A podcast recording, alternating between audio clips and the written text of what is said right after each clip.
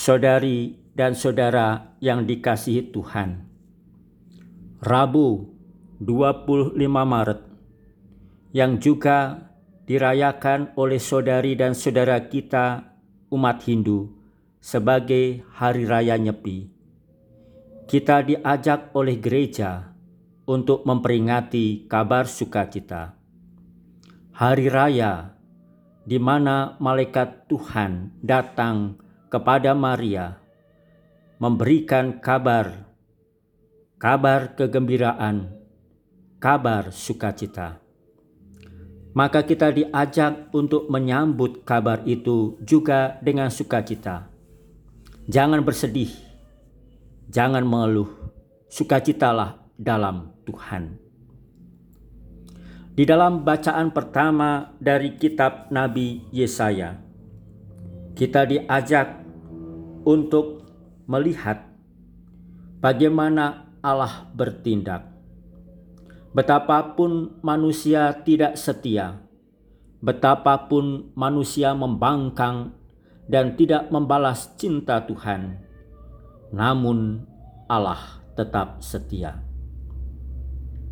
Allah membalas ketidaksetiaan kita manusia dengan kesetiaannya.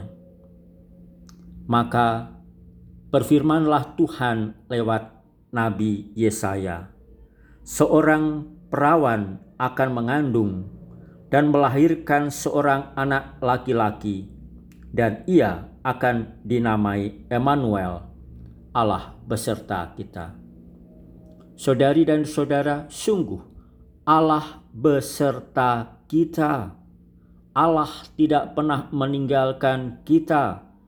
Allah selalu senantiasa menyertai kita.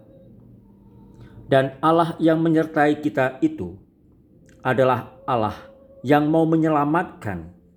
Sehingga dengan demikian dia mengutus putranya Yesus Kristus untuk menyelamatkan sehingga kita tidak lagi membutuhkan kurban lembu jantan atau darah domba jantan demi penghapusan dosa, kita hanya membutuhkan dan memerlukan Yesus Kristus, pribadi Tuhan yang datang, yang hendak memulihkan hidup kita, yang hendak menghapuskan dosa kita, agar kita semakin layak mengikuti Tuhan melaksanakan kehendaknya. Allah ingin membebaskan kita. Dan cara Allah membebaskan kita itu adalah dengan datang masuk ke tengah dunia.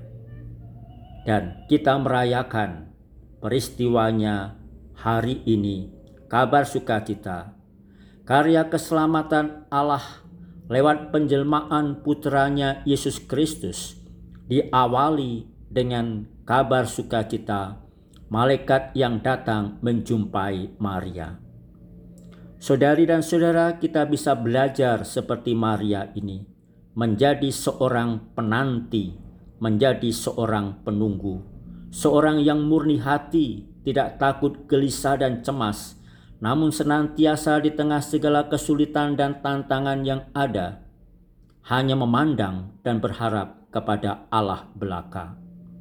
Maria menanti dengan tekun dan setia dari rumahnya, dari kamarnya, dalam doanya, dalam penantiannya. Maka kita melihat, kita bisa belajar dari Ibu Maria menjadi penanti, menunggu Tuhan yang datang, menunggu warta kabar gembira. Terlebih di saat situasi seperti sekarang ini, saat wabah virus corona melanda dunia kita ini, yang menjadikan kita merasa tercepit, sempit, dan juga terhimpit. Namun, kita belajar seperti Maria menanti. Menanti dengan apa? Betapapun kita tidak bisa pergi, tidak bisa banyak beraktivitas, kita belajar seperti Maria menanti di rumah, menanti di kamar, berdoa. Dan Maria di dalam doanya dalam penantiannya itu menjumpai malaikat.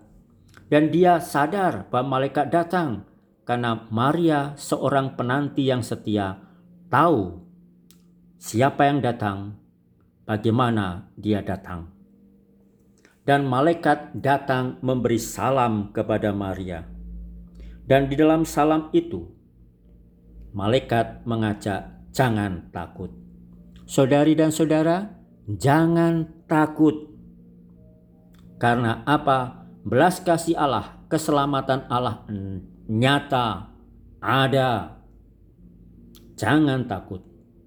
Dan Maria, karena dia pribadi beriman yang tidak takut, tidak menyerah, dan tidak kalah, maka ketika mendengar bahwa dia akan mengandung dari Roh Kudus, sadar yang datang itu dari atas, dari Allah, dan yang datang itu adalah Emmanuel, Allah yang beserta kita, Allah yang akan menyertai kita, Allah yang tidak pernah meninggalkan kita, Allah yang senantiasa mau menyelamatkan, memulihkan, dan meneguhkan kita.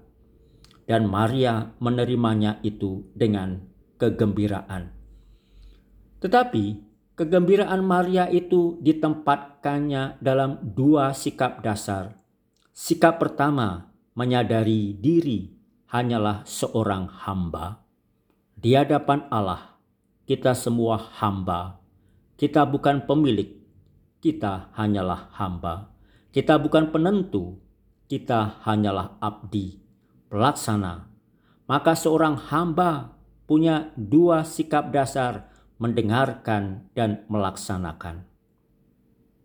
Dalam sikap sebagai hamba itu, Maria melangkah dalam sikap iman yang kedua. Sikap iman yang kedua itu nyata setelah malaikat mengatakan bahwa Elizabeth saudarinya mengandung di usia tua. Maria segera bergegas mengunjungi Elizabeth karena tahu bahwa Elizabeth membutuhkan bantuan bahwa Elizabeth membutuhkan teman. Maria tidak memikirkan dirinya sendiri. Maria memikirkan saudarinya, memikirkan mereka yang membutuhkan, memikirkan mereka yang ingin ditemani, ingin dibantu, ingin dijumpai. Saudari dan saudara, sekarang kita tidak bisa pergi menjumpai banyak orang, namun kita juga bisa menemani banyak orang. Terlebih dengan sarana-sarana yang ada di dalam diri kita, sarana-sarana komunikasi, sarana-sarana informasi. Kita diajak menemani dan mendukung juga dalam doa-doa kita. Mereka yang membutuhkan, mereka yang menderita kurban virus corona. Namun juga mereka yang seperti Elizabeth mengandung berbeban berat, para dokter, petugas medis, mereka yang tetap menjaga supaya normalitas hidup tetap berjalan, pekerja-pekerja sosial, para pengambil kebijaksanaan. Kita temani mereka, juga orang-orang yang merasa rentan di tengah situasi ini, orang tua, orang miskin, mereka kita jumpai. Dan kita menjumpai mereka untuk menyatakan kabar gembira. Sebagaimana Tuhan datang menyapa kita, kabar gembira, sukacita, Emmanuel, Allah beserta kita. Jangan menyerah, jangan takut. Tuhan bekerja. Tetapi kita sendiri pun jangan sampai takut, gelisah, dan cemas Bagaimana kita bisa menemani orang kalau kita sendiri takut? Bagaimana kita bisa mewartakan kegembiraan sukacita Injil kalau kita sendiri cemas gelisah? Maka kita diajak bersikap seperti Maria, sadar diri sebagai hamba yang mendengarkan sabda. Tuhan datang, kita dengarkan. Dan Tuhan yang setia itu yang berjanji kepada kita untuk menyelamatkan kita, tidak pernah mengingkari janjinya, dan itu menjadi sumber kegembiraan dan sukacita kita. Dan kalau kita memiliki sukacita itu, kita pun akan membagikan sukacita kepada siapa saja yang menderita, yang berkekurangan, kepada siapa saja yang mengalami kesulitan dan kesedihan, siapa saja yang menderita karena krisis dan wabah ini. Saudari dan saudara, kabar sukacita. Semoga kita memiliki sukacita itu, sukacita sejati yang datang dari atas, yang datang dari Allah. Sukacita yang mengajak kita untuk memiliki kegembiraan sejati, kegembiraan rohani, penghiburan rohani, konsolasi rohani, supaya kita pun bisa menghibur, menularkan sukacita itu kepada siapa saja. Sehingga dengan demikian kita mengajak dan kita bersama-sama menyatakan Tuhan bekerja. Jangan takut, jangan sedih. Mari kita sambut Tuhan dengan saling meneguhkan satu sama lain dan saling mendoakan satu sama lain dengan cara kita masing-masing, supaya kita melihat bahwa sukacita itu ada, sukacita itu nyata. Tuhan datang, Emmanuel, Allah beserta kita. Amin. Tuhan memberkati.